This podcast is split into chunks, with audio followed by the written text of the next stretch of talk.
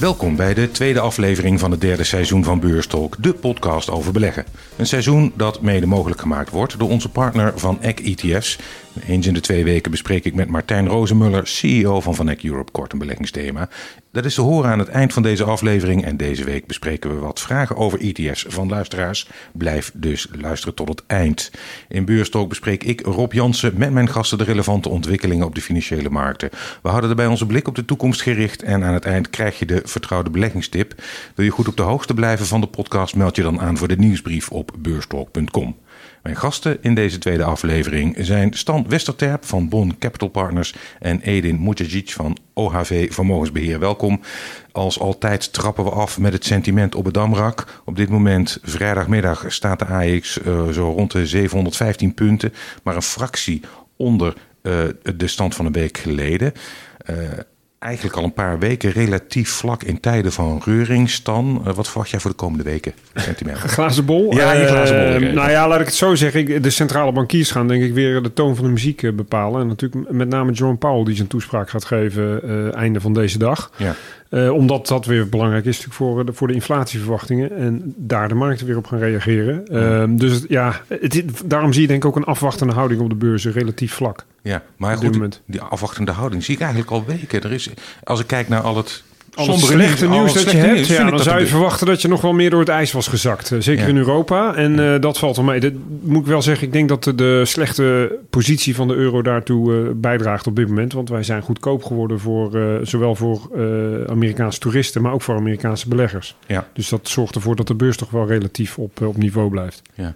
Wat is jouw verwachting, Edin, voor de komende weken? Kijk, ik sluit me helemaal aan bij wat je eigenlijk tussen de regels door daar heb ik gezegd, uh, iedereen kijkt naar die centrale bankiers. Want of je nou leuk vindt of niet, wat zij doen is doorslaggevend, zeker op financiële markten. En uh, afgelopen jaren had je als belegger een soort voordeel dat zowel de Fed als de ECB uh, deden aan iets wat forward guidance heet. Dus ze gaven van vooraan van nou, dit is ongeveer wat we, wat we zullen gaan doen. Zowel de Fed als de ECB hebben de, de afgelopen twee maanden gezegd, die forward guidance valt niet meer vol te houden. Wij gaan vanaf nu reageren op hoe de economie reageert. Dus die vastigheid, die, die soort baken van, van, van stabiliteit in die zee van onrust, is nu ook weg. Ik kan me heel goed voorstellen dat, uh, dat, dat je dat ook ziet in, in de reactie van de beurzen. Die wachten gewoon af. Die kijken van. Uh, wij dachten hiervoor dat we ongeveer konden inschatten welke kant de centrale bank op ging. Dat weten we nu, omdat zij het zelf niet weten. Dus ze moeten maar afwachten van uh, wat gaat er gebeuren. En dat, dat, dat zorgt dan voor enige rust. Hmm. Maar of die rust goed nieuws is, is, is, of niet, dat vraag ik me af. Ja. Je ziet het ook als je, als je kijkt, we zullen het zo nog wel over hebben, maar naar FedWatch. Eh, de jury is still out. 50% denkt het worden twee kwartjes hoger. En 50% denkt het worden drie kwartjes hoger. Heel veel eind volgende maand. Dus ja. onzekerheid inderdaad, ja. Goed, je stipt al aan, Stan. Hè? Jackson Hole is nu gaande. Hij gaat iets zeggen. En ja. met hem bedoel ik natuurlijk uh, Jerome Powell. Want dat is de belangrijkste spreker. De president van de Fed. Maar ja, kijk, los van of hij nou zegt van we gaan het met zus of zoveel verhogen. De inflatie is gewoon heel hoog. En hier nog veel meer trouwens dan, dan daar. Dus dat, dat is eigenlijk al een soort zekerheid die je hebt. Ja, maar laten we het dan even beperken in dit geval tot Amerika. Want het gaat om de Amerikaanse centrale bank. Daar zag je natuurlijk wel dat eind juli de kerninflatie juist wat aan het uh, afkoelen was. Hmm. Met andere woorden, vraagteken, hebben we die piekinflatie daarin bereikt? En Amerika is echt, zit op een andere snelheid nu waarschijnlijk dan Europa. Zeker ook gasprijzen zo natuurlijk. Maar goed, zullen we straks ook nog wel even over praten. Um, daarnaast zijn er nog wat andere macro-economische cijfers. De huizenmarkt begint toch in Amerika weer wat slechter eruit te zien. En we hebben John Powell al die tijd nog niet gehoord. Ook de notulen van de Fed waren nog van voor die, uh, die cijfers waar ik het net over had. Dus we willen gewoon richting krijgen eigenlijk ja. van de, als beleggers van, van de centrale bankier. En inderdaad, we gaan verhogen. Maar de vraag is wel hoe snel en, en is dat pad nog steeds eh, uh, vol op de rem? Of gaan we langzaam wat terugtrekken omdat we zien dat de economie ook daarop te veel begint te reageren. Hmm. En je moet er altijd rekening mee houden, dat is echt van, van alle tijden. Amerika loopt altijd voorop op ons. Uh, het was de Fed die als eerste begon met rente naar 0%. Fed begon als eerste met opkoop van obligaties. Dat zie je nu ook. De Amerikaanse economie verkeert al in een recessie. Onze economie groeit nog steeds, maar wij uh, kachelen altijd achter de Amerikanen aan. Uh, het kan best zijn dat inflatie in Amerika aan het pieken is, weten we nog niet, maar er zijn eerste voorzichtige aanwijzingen daarvoor. Nou, dat is bij ons nog lang niet aan de orde. Dus dat betekent ook dat wat de Fed ook doet, ehm, eh, de kans dat de Fed eerder stopt met renteverhoging of eerder de rente gaat verlagen, is groter dan dat onze ECB eh, dat voor elkaar kan krijgen. Je kunt zelfs in een situatie komen waarin de Fed in Amerika ruimte krijgt om ermee te stoppen straks, terwijl de Europese Centrale Bank eigenlijk gedwongen zal moeten worden om het tempo van renteverhogingen op te voeren. Omdat hmm. de, de, de, met name inflatieontwikkelingen echt uiteenlopen uh, hier en in de VS. Ja. Terwijl we dan ook nog, eh, Stan, vaak horen, ja, de ECB kan hier eigenlijk niet zoveel aan die inflatie doen, want het is een gascrisis. En uh, die gasvraag die blijft gewoon hoog. Ja, dat, is, dat is wel eh, denk ik een relevant punt. Aan de andere kant heb je ook nog het thema natuurlijk dat de Amerikanen vaak eensgezinder zijn dan de Europeanen. Dat is een understatement.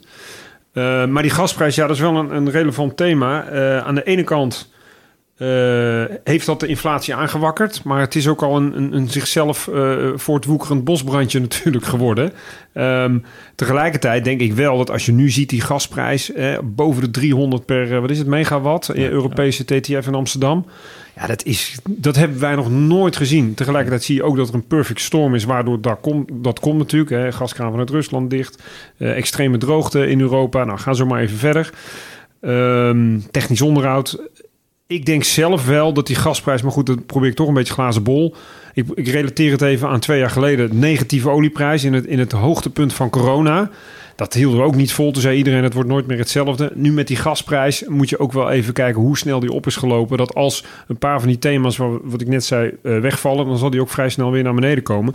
Maar de grote vraag is, zal de inflatie dan ook meteen weer afkoelen? Hmm. Ja, dat ben ik niet zo van overtuigd. En Rob, vergeet ook niet het is inderdaad een feit dat een groot deel van inflatie komt door de ontwikkeling van gasprijs en stroomprijs. En daar kan de ECB niks aan doen, want dat, dat heeft ook niks met ECB-beleid te maken. Hm. De ECB is ook niet de oorzaak daarvan, zeg maar. Alleen, je moet niet vergeten, dat geldt voor de ECB, dat geldt voor elke centrale bank. Die kan niks doen aan inflatie zoals we die nu op dit moment zien. Hm. Monetair beleid werkt. Ik verander vandaag iets en over een jaar zie je effecten op de inflatie. Dus als de ECB zich bezighoudt met vraag wat moet ik met de rente doen, dan is het jaar 2022, dan is zelfs het jaar 2023 niet relevant. Gaat om 2024. Hmm. En dan wordt het wel uh, relevant en dan wordt het wel uh, begrijpelijk dat de ECB toch nog wat stappen moet zetten. Want als je niks, als je niet laat zien aan de buitenwereld dat je iets aan het doen bent, dan loop je het gevaar dat hoe tijdelijk die hoge inflatie ook is, dat die permanent gaat worden. Want als jij de mensen niet beschermt, of in ieder geval niet het beeld neerzet dat je mensen aan het beschermen bent, gaan ze zichzelf beschermen tegen die hoge inflatie. En dat betekent hogere looneisen.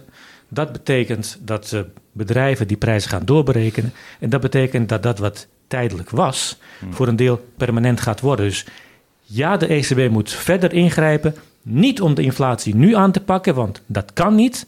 Uh, voor een groot deel is het ook niet jouw schuld. Maar het gaat om wat er kan volgen als je niet ingrijpt. En daarom is dat ook eigenlijk het enige mandaat van een centrale bank, zeker in Europa, is prijsstabiliteit. Mm. Alleen ik heb dan wel een vraag. Gaat dat, ben je bereid de prijs die je daarvoor moet betalen, een hele stevige recessie in Europa, om die te betalen vanuit de centrale bank? Dat vindt niemand leuk. Maar wat jij daar heel terecht zegt, de taak van de ECB is zorgen voor prijsstabiliteit. Uh, de ECB heeft de verplichting ook mee te doen met een beetje economie aanjagen, maar mits je voldoet aan die eerste taak. En daar voldoe je nu niet aan. Zo, zo simpel is het. En nog heel even over Jackson Hole, wat je daar net zei, Rob. Um, ik vind het toch heel opmerkelijk dat Lagarde er niet bij is. Hm. Klaas wel. Uh, ja. ja. weet je, dat de hele wereld staat in inflatoire vuur en vlam. Uh, dit is, dit is uh, de ergste omgeving die als een centrale bank in, in decennia misschien heeft meegemaakt. Er is één keer per jaar waarin ze allemaal bij elkaar komen om over dit soort dingen te hebben. En dan lees ik in een interview uh, eerder deze week dat president van ECB bezig is met het eh, herlezen, voor de tweede keer lezen van het boek Ulysses van James Joyce. Ik denk, de prioriteiten liggen daar niet helemaal goed. Ja, misschien is het ook zo dat ze denkt van ja, uh, je kan er ook uh, lelijk op afgerekend worden. Want bijvoorbeeld uh, Jerome Powell zei vorig jaar tijdens deze speech, waar nu ook zo naar wordt uitgekeken, inflatie transitory, tijdelijk. En kijk waar we nu staan, Stan. nou ja, ik denk dat dat ook een stukje met die forward guidance waar we het net al over hadden, dat dat heel erg lastig is om, uh, om en dus iets something something's gotta give. Uh, dus die forward guidance, je moet of kiezen een verkeerde forward guidance afgeven of een verkeerd rentebesluit. Dan denk ik dat ze maar voor dat eerste kiezen. Ja. Um, vandaar dat hij nu denk ik ook niet zo snel uh, afgerekend zal worden op de woorden die hij gaat gebruiken. Maar ik ben het helemaal met Eden eens. Ja, het feit dat uh, Lagarde er niet zijn. bij is, je moet daar gewoon zijn. is heel vreemd. Tegelijkertijd daarmee geeft ze ook een signaal af dat ze denk ik gewoon bang is om nu de mond open te trekken. Dat zou heel goed kunnen, inderdaad. Uh, maar Eden, ik zei al, eigenlijk heeft uh, Jerome Powell vorig jaar iets gezegd wat totaal niet is uitgekomen. Maakt dat niet het risico groot dat hij vandaag kijk, eigenlijk heel weinig gaat ik zeggen? Moet, ik moet nog de eerste centrale bankier of eerste econoom wat dat betreft, moet ik nog tegenkomen die waarvoor geldt dat alles wat hij in het verleden heeft gezegd, dat het altijd uitgekomen is. Dus ja. dat ook de voorzitter van de Fed ernaast zat. Ik bedoel, het is heel goedkoop om te zeggen... die man snapt er niks van, want hij zat ernaast. Ja. Dit hoort bij, bij een econoom mm -hmm. zijn. Ja, ja. Ik denk wel dat hij daar als les uit zal halen... waar hij vorig jaar toch heel stellig was. Inflatie wordt geen probleem. Dat hij in zijn toespraak dit jaar ervoor zal gezorgd zal hebben... dat het allemaal veel minder stellig is, dat het wat vager is. Mm. Ja. Want een herhaling van vorig jaar wil hij echt kosten wat kost voorkomen. Ja, dat is, het is, het is net alsof je vermogensbeheerder hebt. Het hebben van een hele sterke mening kan heel gevaarlijk zijn. ja, die kan als een boemerang terugkomen. Ja, daarom. En laten we eerlijk zijn. Ja. Vorig jaar deze tijd dachten heel veel mensen dat de ja. inflatie transitory was. Toen zag de wereld er ook echt heel anders uit. Ja, ja niemand uh, had op uh, Poetin gerekend wat dat betreft. Nee, nee, dat is absoluut waar. Onder andere. Ja, um, daarover sprekend. Jij zei net, Stan, ja, die gasprijs. Hè, we hebben nu een gascrisis in Europa. In combinatie met uh, de droogte zorgt dat zijn hele belangrijke factoren in die torenhoge inflatie. Maar uh, jij sloot af met van nou, ik moet nog zien of dat ook zo lang in de toekomst blijft doorwerken. En, nou ja, heel simpel gezegd. één, je hebt de vraagkant. Wie kan op een gegeven moment nog twintig keer de normale gasprijs blijven betalen? Je ziet ja. er allerlei bedrijven afschalen. en misschien ja. consumenten deze winter ook. Of in ieder geval de, de truitje aan, truitje aan en inderdaad de thermostaat een stuk lager. En twee is al die factoren die we nu zien. Hè, nogmaals, uh, de Russen zijn nu blijkbaar bij boven Sint-Petersburg gas aan het afvakkelen. Omdat ze het nog niet letterlijk in de brand steken dan dat ze het aan Europa leveren. Ja. Uh, ja, gaan we daar ooit nog vriendjes worden? Vraagteken. Ja. Uh, maar ook inderdaad de droogte, hè, waardoor de rivieren uh, de, moeilijk bevaarbaar zijn en dus het moeilijker is om alternatieven zeg maar, te verschepen. technische problemen in Noorwegen. ja, weet je, er zijn verschillende factoren die daaraan ten grondslag liggen. Het feit dat iedere overheid zijn reserves gevuld wil hebben. Dus dat iedereen blind gewoon betaalt wat er gevraagd wordt. Ja, ja dat zijn allemaal factoren die wat mij betreft... Hè, ik zeg niet op korte termijn, maar wel tijdelijk zijn. Waardoor je zal zien, een gasprijs van 300 plus is uh, long-term ja. voor de wereld gewoon niet op te hoesten. Dan gaan we nog liever allemaal aan de kernenergie en aan de uh, elektrische auto's, et cetera, et cetera. Ja, de transitie. Dat, dat heeft tijd nodig. Ja, maar die transitie die gaat dus gewoon uh, versneld worden. Ja, nou net als dat corona een aantal zaken versneld heeft. Hè, met name digitalisering, techno technologisering, hè, de, mm. thuiswerken, noem het allemaal maar op. Zie je dat nu ook deze oorlog en die hoge gasprijzen ook inderdaad partijen, zeker in Europa, wat dat betreft, is een blessing in the skies. Ja. Gaan nadenken nou, over... Kijk, als je energie. Als je belegger bent, dan heb je als het goed is een horizon van vijf jaar of langer. Wat we nu allemaal meemaken is natuurlijk ontzettend naar. Maar als je, als je naar, naar de toekomst kijkt, dan zijn deze dingen allemaal inderdaad een zegen voor de periode die er nog moet komen. Mm. Zo moet je er ook. Uh, uh, ja, het is slecht, hier en nu, ja. op korte termijn. Maar een belegger let juist op de middellange termijn en lange termijn. En de, de, het vergt niet al te veel fantasie om de ontwikkelingen die nu in gang zijn gezet, om daarvan te zeggen, met het oog op de toekomst, is het eerder goed dan slecht nieuws. Hmm. Is dat misschien ook wel een reden, uh, Stan? Hè? Want je zei van ja, uh, beleggers uh, kijken, hè, die, die, die, we zien de beurs stabiel, redelijk, relatief stabiel. Hmm. Dat zij misschien inderdaad al over al die crises waar wij nu tegenaan lopen, dat ze daar al een beetje overheen kijken en... Nou, ik, ja, dat is grappig dat je dat vraagt. Ik denk, kijk, wij zijn natuurlijk al, we lopen al wat langer mee en we weten dat er uh, crisis komen en gaan. Ja. Uh, de, de, de moeder aller crisis was voor onze generatie natuurlijk de financiële crisis van 2008, 2009. Dat toen ook ik gedacht van, nou, gaat dit ooit nog goed komen? Ja. Totaal gebrek aan vertrouwen. Dat is er nu niet. Hm. En ik denk wat dat betreft dat uh, er genoeg beleggers in de markt zijn die weten van ja, we hebben alles al wel een beetje keer voorbij zien komen. Uh, als je maar lang genoeg wacht, ook wat Eden zegt, hè, en, en, en de ontwikkelingen volgt de, de lange termijn trends, dan word je uiteindelijk beloond voor het risico uh, dat je neemt bovenop je inflatie en je kosten ja. en je, je belastingdruk. Ja. Dus het loont om te beleggen. En misschien dat daar inderdaad wel een soort van uh, ja, realisme dan uh, mm. bij komt kijken. Wat Ja. goed nieuws is eigenlijk. Ja. Ja. Ja, dat vind ik ook. Ja. Eh, en, en, en vergeet inderdaad, als je dan even focust op hier en nu. Er zijn nu heel veel dingen die negatieve eh, eh, eh, nieuws zijn voor de financiële markteconomie, die allemaal samenvallen. Ik, ik bedoel, de oorlog in Oekraïne, dat er nauwelijks water is in de Rijn. De- allemaal tegelijkertijd. We hebben eigenlijk te veel liquiditeiten waar het niet nodig is in de economie. En te weinig echte liquiditeit waar het nodig is, namelijk in de Rijn. Stan, je had het eh, stipt al even de euro-dollar aan. Eh, die staat nu ongeveer 1 op 1. En ja, je moet eigenlijk kijken, dat is maar natuurlijk gewoon een getal, precies eh 1 op Nou, 1. Maar als je kijkt naar begin dit jaar, stond hij op 1,19. En daar moet je eigenlijk naar kijken, denk ik. Hij is van 1,19 naar 1 gegaan. En waarschijnlijk als je het lijntje doortrekt, daaronder.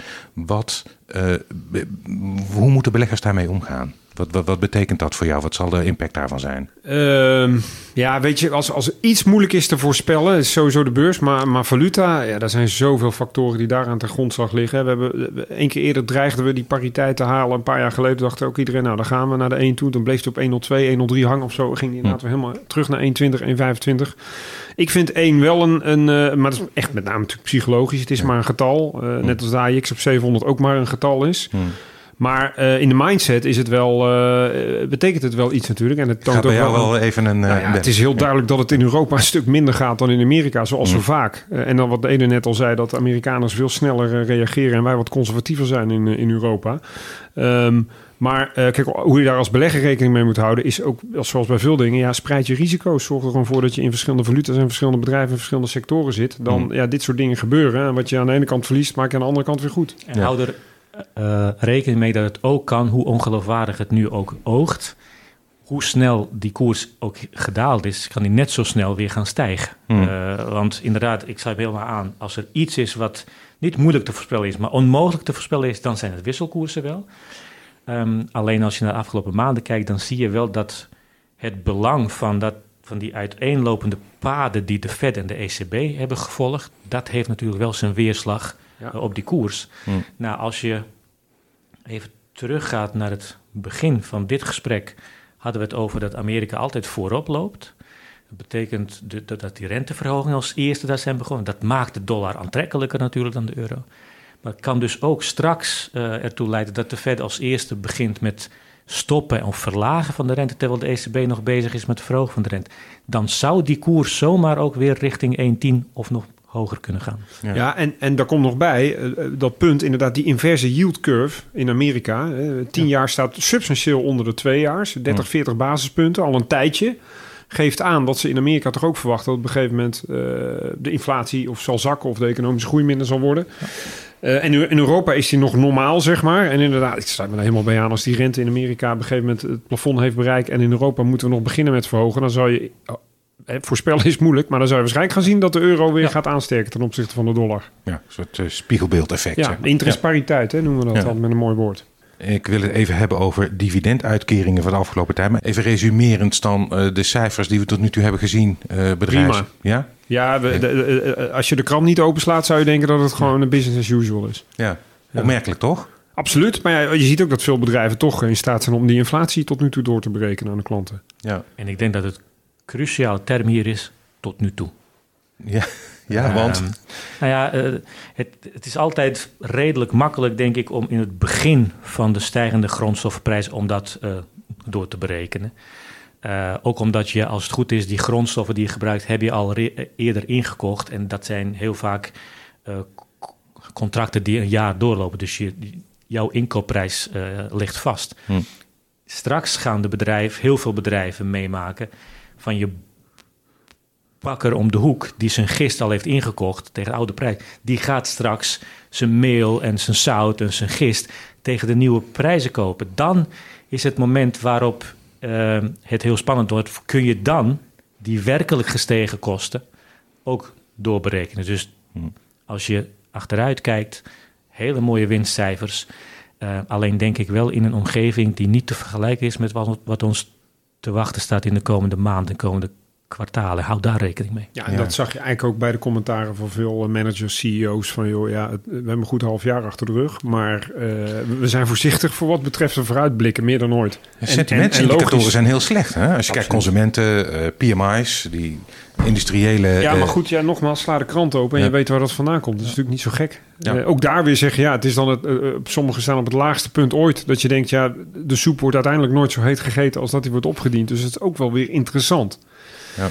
Ja, het is echt, uh, het is, het voorspellen lastig. is hartstikke lastig. Maar ja. het is wel een, een, een, uh, een, een, moeilijke omgeving om, om, om mee om te gaan. En ja, wat dat betreft weer, ja, je moet gewoon over een langere periode durven heen te kijken. Ja. Want ook dit gaat allemaal weer een keer voorbij. Ja. En je moet je altijd goed laten informeren. Dus elke vrijdag luisteren naar deze Ja, ja dat is absoluut waar. is het? Ja, ja. Nou, ik heb over die cijfers gesproken. Er wordt ook weer heel veel dividend uitgekeerd, Stam. Ja. Ontzettend mooi voor beleggers natuurlijk. Hartstikke fijn. Maar ja, je zou ook zeggen, het zou mooi zijn als die bedrijven daar uh, renderende investeringen uh, mee zouden doen. Ja, en dat kunnen al, vinden. Dat is altijd de vraag. Kijk, aan de ene kant, als je het niet kan vinden, dan moet je het teruggeven aan de aandeelhouders. Hm. Dat is wat we, het feit überhaupt dat dividenduitkeringen hoog zijn, geeft toch ook een stukje vertrouwen aan. Uh, want anders dan, dan, hou je, dan, dan pot je het wat meer op. Uh, maar dat ligt er een beetje aan welke sector je ook actief bent. Kijk, als je een, een, een oude economie, de, de, farmacie of de energie, ja, daar komt zoveel geld uit. Weet je, je hoeft ook niet zoveel mee te investeren hè, in die zin. Ja. Uh, daar kan je wel wat uitkeren. Maar als je in de technologische sector zit, daar is het een stukje lastiger. Ja. Dus hè, het ligt eraan, uh, ja, inderdaad, wat je investeringskans zijn. En dat ligt er heel erg aan in welke sector dat je actief bent. Wat ik ook wel opmerkelijk vond, over investeren gesproken, Apple die gaat zijn nieuwe iPhone in India produceren uh, om minder afhankelijk te zijn van China. En ik las vandaag ook uh, in het FD een groot stuk van ja, China, de groeimotor is wel voorbij. Hm. Ik denk dat dit een heel mooi voorbeeld is van hoe bedrijven ook voorbij de korte termijn kijken en zeggen: oh, de, de wereld in de rest van dit decennium zal stuk anders zijn, stuk spannender zijn, stuk rumoeriger zijn dan in het decennium wat we achter ons hebben gelaten. Hoe spannend dat decennium ook is geweest. Mm. En dan ga je als een verantwoord bedrijf ga je kijken, hoe kan ik de kwetsbaarheid waar ik aan blootgesteld ben, hoe kan ik dat zoveel mogelijk reduceren? En als je in dit voorbeeld, als je voor je productie echt afhankelijk bent van één land, laat dat ook nog het land zijn dat niet al te goede relatie met de VS heeft en die relatie kan eigenlijk alleen maar slechter worden uh, in de komende jaren, dan is het heel verstandig wat, uh, wat ze hier doen, kijken naar hoe kan ik ervoor zorgen dat ik wat minder gevoelig daarvoor word. Dus als belegger in dit bedrijf, nog afgezien van de resultaten en mooie producten die ze maken, zou mij dit extra, uh, extra stimulans geven om daarin te blijven. Want dit bedrijf kijkt echt verder vooruit en doet daar ook iets aan. En ja, de reden is China. Uh, China gaat niet lekker. Groeicijfers uh, uh, heel beroerd. Stan, ja. wat is je oordeel voor de komende periode? Nou ja, dat jij? artikel waar jij aan refereerde, dat heb ik uiteraard ook gelezen. En dat, ja, wat je daar eigenlijk al ziet, is wat we wel, wel een beetje weten. China is de, we hebben het over renteverhoging alleen, maar is de rente al aan het verlagen en is extreem aan het stimuleren. Er kwam ineens een pakket van 140 miljard euro omgerekend voor de infrastructuur. Maar het probleem tussen haakjes is natuurlijk gewoon dat je... één, je kan niet tot in de lengte der dagen met 6, 7 procent blijven groeien... als je al de tweede economie ter wereld bent. Hè, en ook die hele uh, die inhaalslag eigenlijk die China heeft gemaakt de afgelopen decennia... ze beginnen nu het Westen tussen haakjes bij te halen... Um, en er komt bij dat ze, ja, we, ook traditioneel, dat is met heel veel schuld gepaard gegaan. En op een gegeven moment wordt je schuld eigenlijk relatief groter dan je groeipercentages. Dus zul je daar pijnlijke uh, keuzes in uh, moeten maken. Dat zagen we vorig jaar. Ik denk wel dat China dat goed doet. Door bijvoorbeeld tegen die vastgoedmarkt te zeggen: oké, okay, tot hier en niet verder. Daarmee creëerden ze zelf een probleem. Maar als ze het er ook nog vijf jaar voor zich uit kunnen schuiven en blijven financieren. En, en ja, ergens wordt een keer uh, die prijs betaald, zeg maar. Ja. Dus ik denk dat het heel goed is dat zij zelf wat op de rem trappen her en der. Maar het blijft natuurlijk wel een economie die centraal aangestuurd wordt. En uh, ja, in onze ogen onbetrouwbaar. Um, maar dat de, grootste groei uh, van China in de geschiedenis ligt, dat mag duidelijk zijn. En ik denk dat ze blij mogen zijn als ze 3, 4 procent gemiddeld op jaarbasis gaan halen de komende jaren. Ja, want wat jij zegt inderdaad, je moet niet vergeten als je als belegger bezighoudt met dat land.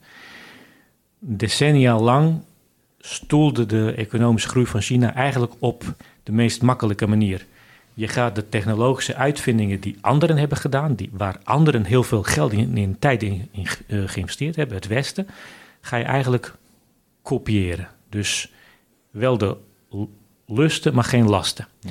Alleen als je 10, 20, 30 jaar lang met gemiddeld bijna 10% groeit, met je economie, dan word je zelf ook innoverender. En dat is goed nieuws. Alleen het betekent wel dat het, mak dat het moeilijker wordt om door te groeien. Want je kunt het niet meer zo makkelijk even kopiëren wat ze in de rest van de wereld uitgevonden hebben. Jij bent nu degene die die dingen moet uitvinden. Hmm. En dat is goed nieuws voor lange termijn. Maar dat betekent wel dat die groeipercentages van wel eer, die hou je niet lang vol. Hmm. En, als en ondertussen ben je ook nog, alsof dat niet ingewikkeld genoeg is, ben je bezig met een operatie waarin je voor je groei meer afhankelijk wil worden van binnenlandse consumptie en niet zozeer van de export. Hmm. Uh, dat alleen al is heel, uh, heel complex. Nou, als je deze twee dingen samenneemt, dan krijg je een beetje het gevoel voor welke uitdagingen China, met welke uitdagingen China te maken heeft.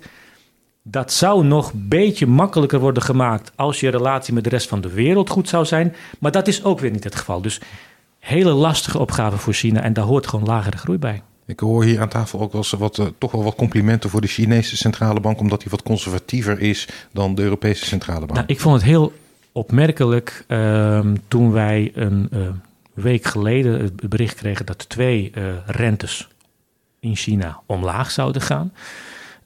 Ik vond het opmerkelijk omdat enkele maanden daarvoor was er een rapport van de centrale bank over wat ze van plan zijn te gaan doen. Een soort forward guidance, zeg maar. En daar stond heel duidelijk in, wij, hebben, wij zien geen noodzaak om die rente te, te gaan verlagen. Nou, dat, dan heb je er twee verlaagd. Dan zijn wij uh, economen nog niet bijgekomen van die schok. Komt er zeven dagen later nog een bericht van ook twee andere rentes gaan omlaag. Hmm. Als je die centrale bank een beetje kent, is inderdaad heel conservatief met renteverlagingen. Precies om wat Stan zegt. Ze willen die uh, uh, schuldenberg niet nog meer aanjagen. Dus nou, als zo'n centrale bank na zo'n rapport van enkele maanden geleden vier belangrijke rentes binnen zeven dagen verlaagt, dan zegt dat wel veel over hoe het onderliggend in die economie gaat. Ja, Anders hebben ze, als, als het allemaal redelijkerwijs ging, hadden ze deze rentes echt niet verlaagd. Het cijferseizoen zit er wel zo goed als op. Ik heb er twee meegenomen: Van Landschot Kempen en Alphen. Ja. Nou, laten we beginnen met Van Landschot Kempen. Uh, ja, ja, op zich, wat kan je van een bank verwachten? Het waren denk ik uh, aardige cijfers. Uh, iets lagere winst omdat er nog een voorziening uit het eerste kwartaal stond. Maar wat mij met name opviel was dat het, kijk als vermogensbeheerder naar, dat beheerd vermogen was op, op balansdatum zeg maar onder de 100 miljard weer gezakt. Ja. Wat natuurlijk komt door het resultaat van de financiële markten. Ja. Maar de netto-instroom uh, was uh, historisch groot. Ja. Dus dat betekent waar we het net al over hadden, dat beleggers toch wel bereid zijn om nog steeds uh, bij te storten, zeg maar. Mm. van, met name ook vanuit de institutionele hoek blijkbaar bij Van Landschot Kemp. En dan zie je dus op microniveau ja. dat er wel vraag blijft naar, naar financiële producten, om het zo maar te zeggen. Dus vond ik opvallend. En merk je dat in je eigen bedrijf ook, of mag ik dat niet vragen? Nee, dat mag je zeker vragen. Wij, kijk, de, de, echte, de echte beleggingshoos was natuurlijk tijdens corona, hè, maart, april, mei van 2020. Maar het is daarna niet afgenomen. Of wel de groei is afgenomen, maar het is niet dat er enorme uitstroom is geweest. Absoluut niet. En ook dit jaar zien we ook weer inderdaad nieuw, nieuw geld uh, naar de markt komen. Alleen minder dan twee jaar geleden. Bij ons exact hetzelfde beeld. We hebben ook nog Alphen, de maker van laadpalen. Op de beurs 2,6 miljard uh, euro waard. Ik ver, altijd met Fastnet, wat ja, ja. Uh, een uh, notoire verliesmaker is. maar goed, dit is wel een heel duur aandeel. Maar de omzet 78% gestegen, bruto resultaat 120% omhoog. maken concrete producten in de energietransitie. Ja, laadpalen. ja, laadpalen. En ook voor thuis, als je zo'n stekker wil voor je elektrische... Ja. ja, must have. Nee. Nee? nou, kijk, ook hier weer... Ik Meer dan 100 keer de winst. precies, je hebt het nu al over, uh, over waarderingen ten opzichte van, uh, van de onderliggende omzetgroei of winstgevendheid. Kijk, natuurlijk, het gaat ontzettend goed bij Alphen en de vraag zal nog wel even groot blijven. Hm. Uh, ja, het is hardware. Het blijft altijd lastig te bepalen hoe lang je daar in een leidende positie kan, kan blijven houden. Uh, dus ik, ja, nee, ik vind het toch lastig om daar. Uh, ik begrijp dat korte termijn spel wel, maar op lange termijn vind ik het heel moeilijk om daar een, uh, een keuze in te maken. Dus wij zitten daar niet in. Nee, en hoe kijk jij ernaar? Wij ook niet. Um, dit is um, in mijn ogen een mooi voorbeeld van een bedrijf dat net een periode achter de rug heeft waarin echt alles mee zat. De mm. geweldige stijging van de vraag. Je moet je gewoon afvragen hoe groot is de kans dat die geweldige stijging van de vraag naar jouw spullen blijft aanhouden? En mijn antwoord zou zijn niet al te groot. Ja, ja dit soort percentages is niet lang vol te houden. Dit hou je toch niet vol? Nee, want dit is, kijk, het, er zit geen, geen economic mode, zoals we dat altijd zo mooi noemen, omheen. Hè. In principe, hardware kunnen meerdere partijen aanbieden. Kijk, Ja. als er nou nog een heel stuk software en algoritme achter zat, smart grids voor een stukje misschien, maar ja, dan kan je zeggen, ze kunnen daar een, eh, een, een, een, een- slotgracht omheen bouwen, hè, waar niemand meer bij komt. Maar dat is hier niet het geval. Met andere woorden, zodra iets enorm groeit en winstgevend is, dan zie je vaak eh, grote andere spelers ook ineens eh, toetreden. En dat is duidelijk het risico wat mij betreft eh, in deze markt. Dus ik vermoed niet dat die, eh, dat die enorme groei en die enorme eh, eh, winstmarges, dat die heel lang eh, houdbaar zullen zijn. Helder. We gaan naar de luisteraars vragen. En vraag 1 is: Ik overweeg om aandelen of certificaten van het Triodos Groenfonds te kopen op de beurs. In verband met de aftrekbaarheid hiervan bij de belastingaangifte. Maar ik zie nu dat daar bij Triodos veel gedoe is. Dat klopt. Eh, heeft dit veel impact op het Groenfonds? Of is er nog een betere mogelijkheid op de beurs om een andere aftrekbare variant te vinden? Ehm, als ik Even. voor mezelf spreek, eh, je hebt hier te maken met een simpele macro-econoom. Eh, Mm. Hier wordt vooral gevraagd over belastingwetgeving. Het enige eerlijke antwoord van mijn kant is, ik heb daar totaal geen verstand van. Dus dit eh, lijkt mij niet de vraag, vraag die aan mij is besteed. Oké. Nee, ik, Ja. ik ga hem ook wat generaliseren. Ik ben eigenlijk, eh, als je, al je enige beweegreden is vanwege fiscale componenten, dan eh, denk ik dat je niet goed hebt gekeken naar het onderliggende fundament. Eh, dus dan eh, zou ik eerst willen weten, oké, waarom wil je dat product specifiek hebben? Dat er nog een fiscaal eh, jasje omheen zit, prima. En Triodos klopt inderdaad. Er zijn wat eh, vraagtekens bij, rondom de financiering eh, eh, van de bank natuurlijk. Hè, met de, de, de, de, wat is het, achtergestelde obligatieleningen. Ja, en de, en de verhandelbaarheid van die certificaten. Precies. Hè? Het zijn eigenlijk van die Rabobank ledencertificaten, alleen Ja. dan van Triodos, om het even plat te slaan. En, Ja. Maar die zijn niet meer verhandelbaar. Ja, Ja. Dat, eh, met allerlei discussies wat ze dan waard zijn en mensen die geld nodig hebben, et cetera, et cetera. Dus ja, dat is nooit goed nieuws. eh. Nee. Nee, precies. Dus eh, de- ja, kijk er nog eens een keer kritisch naar. Zou ik Oké. Vraag 2 is: hoe kijken jouw gasten naar de financiële groeiparels Adyen, PayPal en Mastercard? En wat vinden ze de beste koop? Stan. Ja, Atjen. Ja? Geen twijfel. Ja? Misschien Nederlands trots, maar ja, absoluut. Nee, ja, kijk, die hele fintech-sector.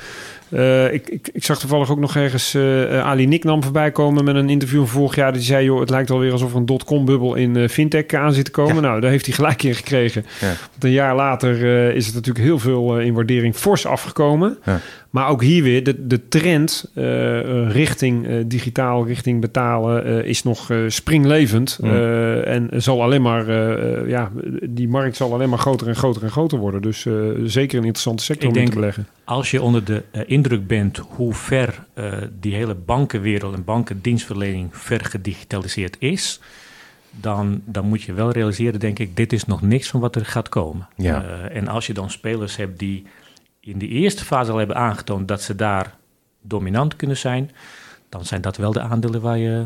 Hm. Ja, en waarom had je wat het net hebt. over een economic Ja. mode? Ja. Zij hebben perfect laten zien dat zij dus inderdaad... Kijk, de discussie was toen, oké, de marges zijn wat lager. Dat kwam eigenlijk omdat de, de take rate, zoals ze dat noemen, naar omlaag gaat omdat ze veel ook in toeristen, toeristische branche zeg maar, doen. Met Booking.com is bijvoorbeeld een grote klant.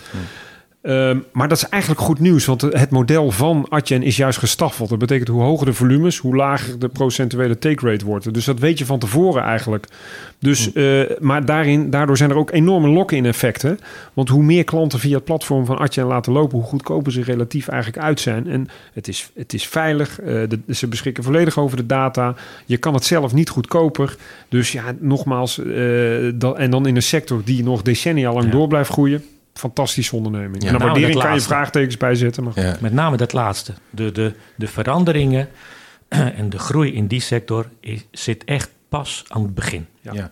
En eh, Stan die zegt voor mij is Adyen wel eh, eh, de nummer één in die. Ja, voor mij ook. Ja, voor jou ook. Ja. Oké. Ja, Mastercard is toch meer het betaalsysteem, zeg maar, daarachter. En PayPal is meer een, eh, ja, een, een betalingshulpje, vriendje. Ja, als je daar echt Ja, inhoudelijk naar money gaat kijken. transfer. Ja. Ja, precies. Ja. En dat is niet zo uniek. Er zijn meerdere partijen die dat doen. Maar Adyen heeft echt hele krachtige lock-in effecten. Hmm. Maar dat is winner take all. Ik bedoel, je gaat niet als Booking zeggen... oké, ik ga er ook op een ander Ja. betaalplatform zitten. Want zij bieden eh, alle platforms binnen hun model zeg maar aan. Ja. Eh, over de hele wereld. Dus als je er eenmaal in zit, ja, Zit je goed? zit je goed. Je, het- nogmaals, het is veilig, het is goedkoop. eh, eh, je hebt eh, toegang tot alle data. Dus eh, waarom zou je nog weggaan?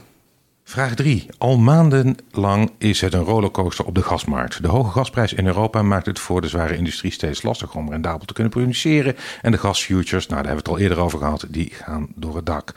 In het nieuws lees je dat cruciale bedrijven zoals kunstmestbedrijven, en een daarvan is natuurlijk OCI in Amsterdam genoteerd, steeds meer de productie moeten terugschroeven. Um, hoe kijken jouw experts aan tegen de kunstmestsector en specifiek tegen OCI? Hoe kijken jullie daar tegenaan? Uh, het heeft fabrieken in de VS, Midden-Oosten. Koers-winstverhouding staat erg laag, ondanks dat het erg cyclisch is. Zien jouw experts in dit bedrijf een goede inflatiehedge en dividendaandeel voor de komende jaren?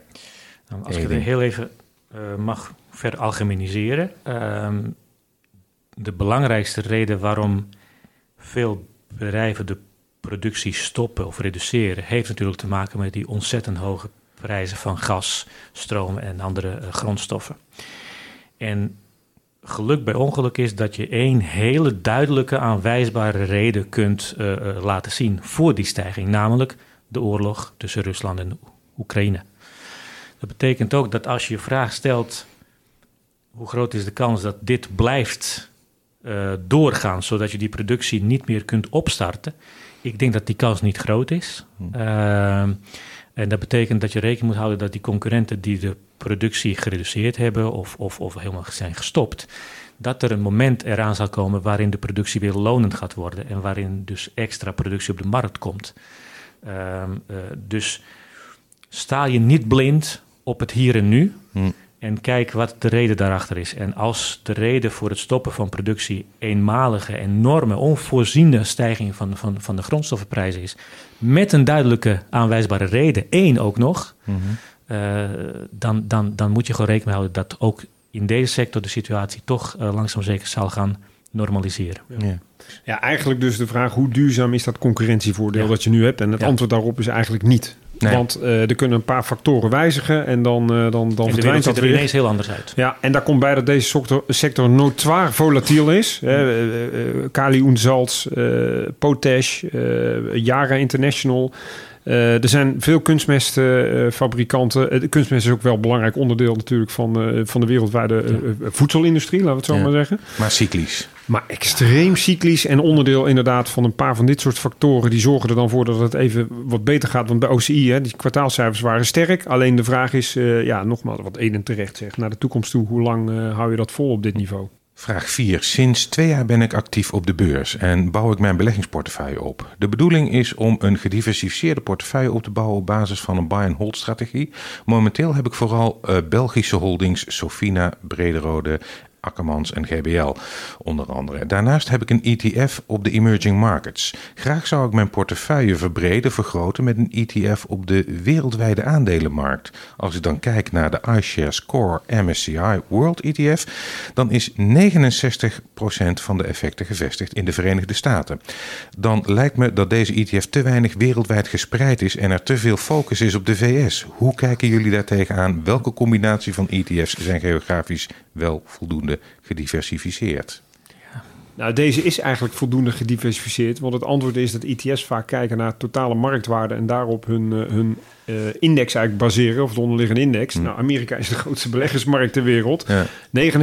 69% kan me voorstellen dat dat wat veel is. Je kan naar de MSCI uh, All Country World Index gaan. Maar dan heb je nog steeds een heel groot deel in Amerika zitten. En dat is eigenlijk wat wij ja, toch de normale spreiding vinden binnen de beleggerswereld. Je kunt per definitie geen wereldindex hebben met een laag gewicht voor de VS. Ja. Kan niet, want dat is nog Eens. steeds een hele grote economie. Dat is een um, economie waar de liquiditeit het grootst is. Uh, dus als je naar een wereldindex gaat, dan moet je voor lief nemen dat het gewicht van de VS toch dominant is. Ja. En, dat hoort er gewoon bij. En zeg ik iets raars als ik zeg dat die bedrijven in de VS vaak ook al een wereldwijde spreiding geven? Nee, die, dat is, die zijn wereldwijd... dat is ons argument naar klanten ook altijd. Wij zeggen dat wij beleggen met name Noord-Amerika en West-Europa. Waarom? We kunnen die boekhouding over het algemeen uh, voldoet aan westerse maatstaven. Kunnen we goed uh, uh, beoordelen. Hoeven niet zo bang te zijn voor fraude, et cetera, et cetera. Maar die bedrijven, het zijn allemaal multinationals. Die hmm. verdienen hun geld wereldwijd. Die zijn ook bezig met nieuwe markten, et cetera. Unilever altijd een goed voorbeeld. Hè. De grootste omzetstijging komt uit de emerging markets. Maar is wel een Brits-Nederlands, Brits bedrijf. Ja. Uh, en dat geldt eigenlijk voor alle bedrijven uh, die, die in West-Europa ook beursgenoteerd zijn. Ja, okay. De meeste. Vraag 5 vond ik een, eh, een ingewikkelde. Uh, uit wetenschappelijk onderzoek is gebleken dat een aantal factoren, zoals momentum, quality, size en value, tot een bovengemiddeld rendement uh, leiden.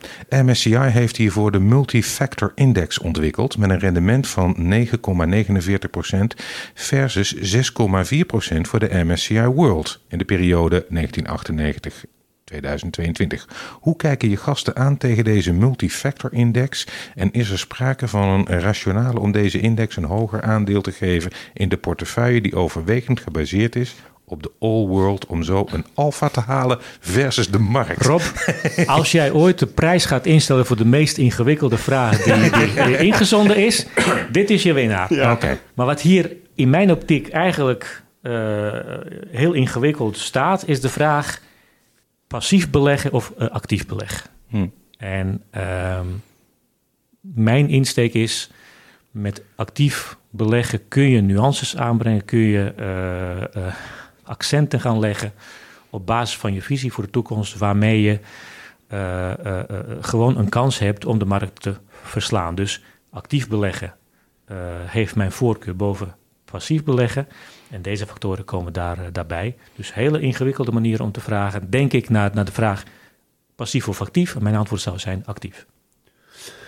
Nou ja, kijk, als jij, uh, het is inderdaad wetenschappelijk meerdere keren bewezen dat uh, bepaalde factoren door, de, door een business cycle heen alpha genereren. Inderdaad, value growth, low beta, low volatility, noem het allemaal maar op. Um, en inderdaad, als je daarin in wil allokeren, dan moet je dat ook zeker doen. Maar dan moet je dat dus inderdaad wel passief doen en ook een hele lange tijd daarin blijven zitten om daar gebruik van uh, te kunnen maken. Hm. Maar wij gebruiken het ook wel in actief beleggen. Dat we ook kijken naar inderdaad van factoren. Inderdaad, zoals wil ik high beta zitten of wil ik low beta zitten. Dus, uh, Hm. Maar dat kan dan weer een, een timingselement zijn. Dus ik ben het met Eden eens. Als je erin wil gaan en je wil er optimaal gebruik van maken, dan moet je ook gewoon kopen en eigenlijk uh, pas na, weer naar kijken op het moment dat je het geld bij wijze van spreken nodig hebt. Hm. maar niet daarin actief gaan, gaan, gaan, gaan traden of zo. Dat heeft geen enkele zin. Vraag 6. Ik ben benieuwd naar wat jouw gasten denken over Block Inc. Dat was voorheen Square met de ticker SQ. Fintech-bedrijf die haar services verleent aan midden- en kleinbedrijven om betalingen zo makkelijk mogelijk te maken. Dit doen ze met de focus op blockchain en bitcoin. Block is ook wel bekend van de populaire Cash-app in Amerika en de oprichter Jack Dorsey van Twitter. Ja, Twitter. Onlangs hebben zij Afterpay overgenomen. Hiermee spelen zij in op de toenemende populariteit van Buy Now Pay Later. Ja. Ik denk dat de potentie van dit bedrijf gigantisch is. Alleen ben ik nog wel een beetje afwachtend gezien de economische situatie en prognoses. En probeer ik daardoor in stukjes te kopen. Hoe zien jouw gasten deze ontwikkelingen? Nou, dit is weer zo'n fintech-speler. Eigenlijk ook een, een soort van concurrent van, uh, van Adyen. Inderdaad, Buy Now Pay Later is ook in die zin niet nieuw. Uh, ook Affirm, geloof ik, doet dat. Die hadden wat cijfers uh, afgelopen uh, week. Um, maar ook hier is waardering natuurlijk wel interessant. Zeker als je kijkt wat analisten van zeggen, die hebben een price target die eigenlijk een stuk hoger ligt dan wat de huidige koers is. Want ook dit bedrijf is natuurlijk, of dit aandeel is fors geraakt uh, door, de, door, de, ja, door eigenlijk alle perikelen.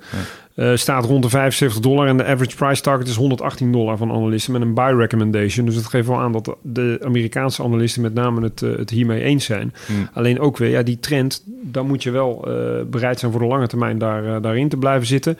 En ik vind Adyen zelf, maar misschien dat ik, komt dat ik Nederlands ben, een iets beter alternatief, omdat zij met name heel erg groot zijn bij die multinationals. En dat Hmm. blok daar probeert ook een voet tussen de deur te krijgen. En ik vind het juist interessant, misschien als een aanvulling. Ja. Maar dit bedrijf focust zich op MKB. Ja. Dus als het je lukt om een poot aan de grond te zetten om het betalingsverkeer voor het MKB-sector, vergeet niet, we hebben het heel vaak over multinationals, maar in elke economie is MKB veruit de grootste sector, ruggengraat van de economie. Dus als je erin slaagt om een uh, voet daarin te krijgen, om betalingsverkeer voor die sector makkelijker, efficiënter en goedkoper te maken, dan kan het een heel aardig aandeel ja. gaan worden. Ja, absoluut. Maar je ziet wel dat daar meer... Hè, Atjen is ook naar de onderkant wat probeert, gaat waarschijnlijk wat meer bewegen. Mm. Uh, en Morley bijvoorbeeld in Nederland, niet ja. beursgenoteerd, maar ook een bekende die binnen de MKB actief ja. is. Zit allemaal een beetje in, hetzelfde, in dezelfde markt uh, te roeren. En ik denk dat daar uh, de overstapcapaciteiten, hoe zeg je dat? De lock-in effecten misschien iets minder groot zijn dan bij multinationals die wereldwijd actief zijn en het fijn vinden gewoon om één platform te hebben. Ja, vandaar is dus ook dat het concurrentierisico hier groter is. Dat denk ik wel, ja. Ja. We zijn aan het einde gekomen van de podcast. Dat betekent dat je tip mag geven, Stan. Wat is je tip voor de luisteraar? Ja, ik heb een beetje zitten grasduinen weer wat wij de laatste tijd hebben gedaan. We zijn toch wat aandelen aan het oppakken uh, aan de onderkant... die om wat voor reden dan ook uh, wat, uh, wat, wat, wat afgestraft zijn... wat fundamenteel in onze ogen onterecht is. Dan denk ik bijvoorbeeld in Nederland aan een Vopak... Hè, dat is echt bijna gehalveerd ten opzichte van het hoogste punt ooit. staat op het, op het laagste punt in meer dan tien jaar tijd. En dat heeft natuurlijk alles te maken met die, met die boycott van Russische olie. Maar als je daar kijkt naar de onderwaardering, uh, ook ten opzichte van de concurrentie, ook ten opzichte van de historie, terwijl het eigenlijk gewoon een, een heel goed opslag, overslagbedrijf is. Hm. Dan denk ik dat dat een goede is. En aan de andere kant uh, zie ik ook bijvoorbeeld een Sanofi in Frankrijk had problemen met die maagzuurremmers in Amerika. Dat komt misschien een claim aan, Zantak. Ik weet niet of je dat hebt meegekregen. Kreeg een klap. Maar als je dan kijkt naar onderliggend uh, de pijplijn, de groei, uh, de saaiheid eigenlijk van de onderneming, dan zijn dat bedrijven waar je denk ik nu in deze uh, relatief onrustige periode prima wat, wat, wat in kan beleggen. Dus eigenlijk een beetje uh, ja, echt cherrypicking, uh, afgestrafte aandelen die uh, om, om, om, om ja, technische redenen wat, wat, wat weg zijn gezakt. Mm. En dan noteer ik met jou wel nemen Vopak en Sanofi. Ja. Wij zien, wij zien de economische omgeving en omgeving op financiële markten in de komende maanden echt nog steeds gepaard gaan met heel veel volatiliteit door de onzekerheid waar we het eerder over hadden. Onzekerheid over Gaat er een recessie komen? Als die komt, hoe diep zal die zijn? Hoe lang zal die zijn? Hoe zullen de overheden reageren? Wat gaan de centrale bankiers doen? Uh, al dat soort zaken uh, uh, zorgen voor hele grote onzekerheid in de komende tijd. Hm. Dus in het verlengde daarvan hebben wij, ehm, hebben wij toch enige defensie proberen op te werpen in de portefeuilles. En een van de ETF's die wij daarvoor gekozen hebben is de uh, iShares uh, Edge MSCI World Min Vol ETF. Okay. wereldwijde spreiding met wat extra nadruk natuurlijk op de VS. Nou, dat komt voor ons extra goed uit, want wij zijn optimistischer voor de komende tijd over de VS dan over de financiële markten hier bij ons. Dus hier heb je mooi in, in één goed verspreide index toch honderden aandelen die uh, aangetoond hebben uh, relatief lage bewegelijkheid hebben. En wij denken dat met het oog op de komende maanden... dat dit wel een uh, hele goede toevoeging is voor, dus, voor de portefeuilles. als ik daarop aan mag gaan, dat is wel een goede trend. Want wij zien dat ook. Hè, wij doen individuele posities. Maar inderdaad, hè, minimum volatility, ja. of low volatility, low beta, noem het maar op. Dat is toch wel een beetje waar je allemaal naar kijkt. Wat je in ieder geval niet wil is op dit moment high beta... in bijvoorbeeld de financiële sector Europa. Uh, Want als het misgaat met die gasprijzen... dan weet je dat daar als eerste de grote klappen worden uitgedeeld. Kan ik omdraaien hoor. Maar dan heb je nog genoeg tijd om daar uh, je, je, je beleid te herzien. Het is nu niet uh, de, de, de, tijd om vol, vol, het risico aan te gaan zetten. Nee, nee. Okay. dat hebben we dus ook. Ja. Wil je nog één keer de naam van de uh, ETF noemen? De iShares Edge MSCI World Minvol ETF. Oh, Oké. Okay. En dan... Is die nummer mail ik je straks. Heel goed. dat geeft meteen aan waarom alle luisteraars zich moeten abonneren op de nieuwsbrief. Hartelijk dank Edin Muzajic van OHV Vermogensbeheer en Stan Westerterp van Bond Capital Partners.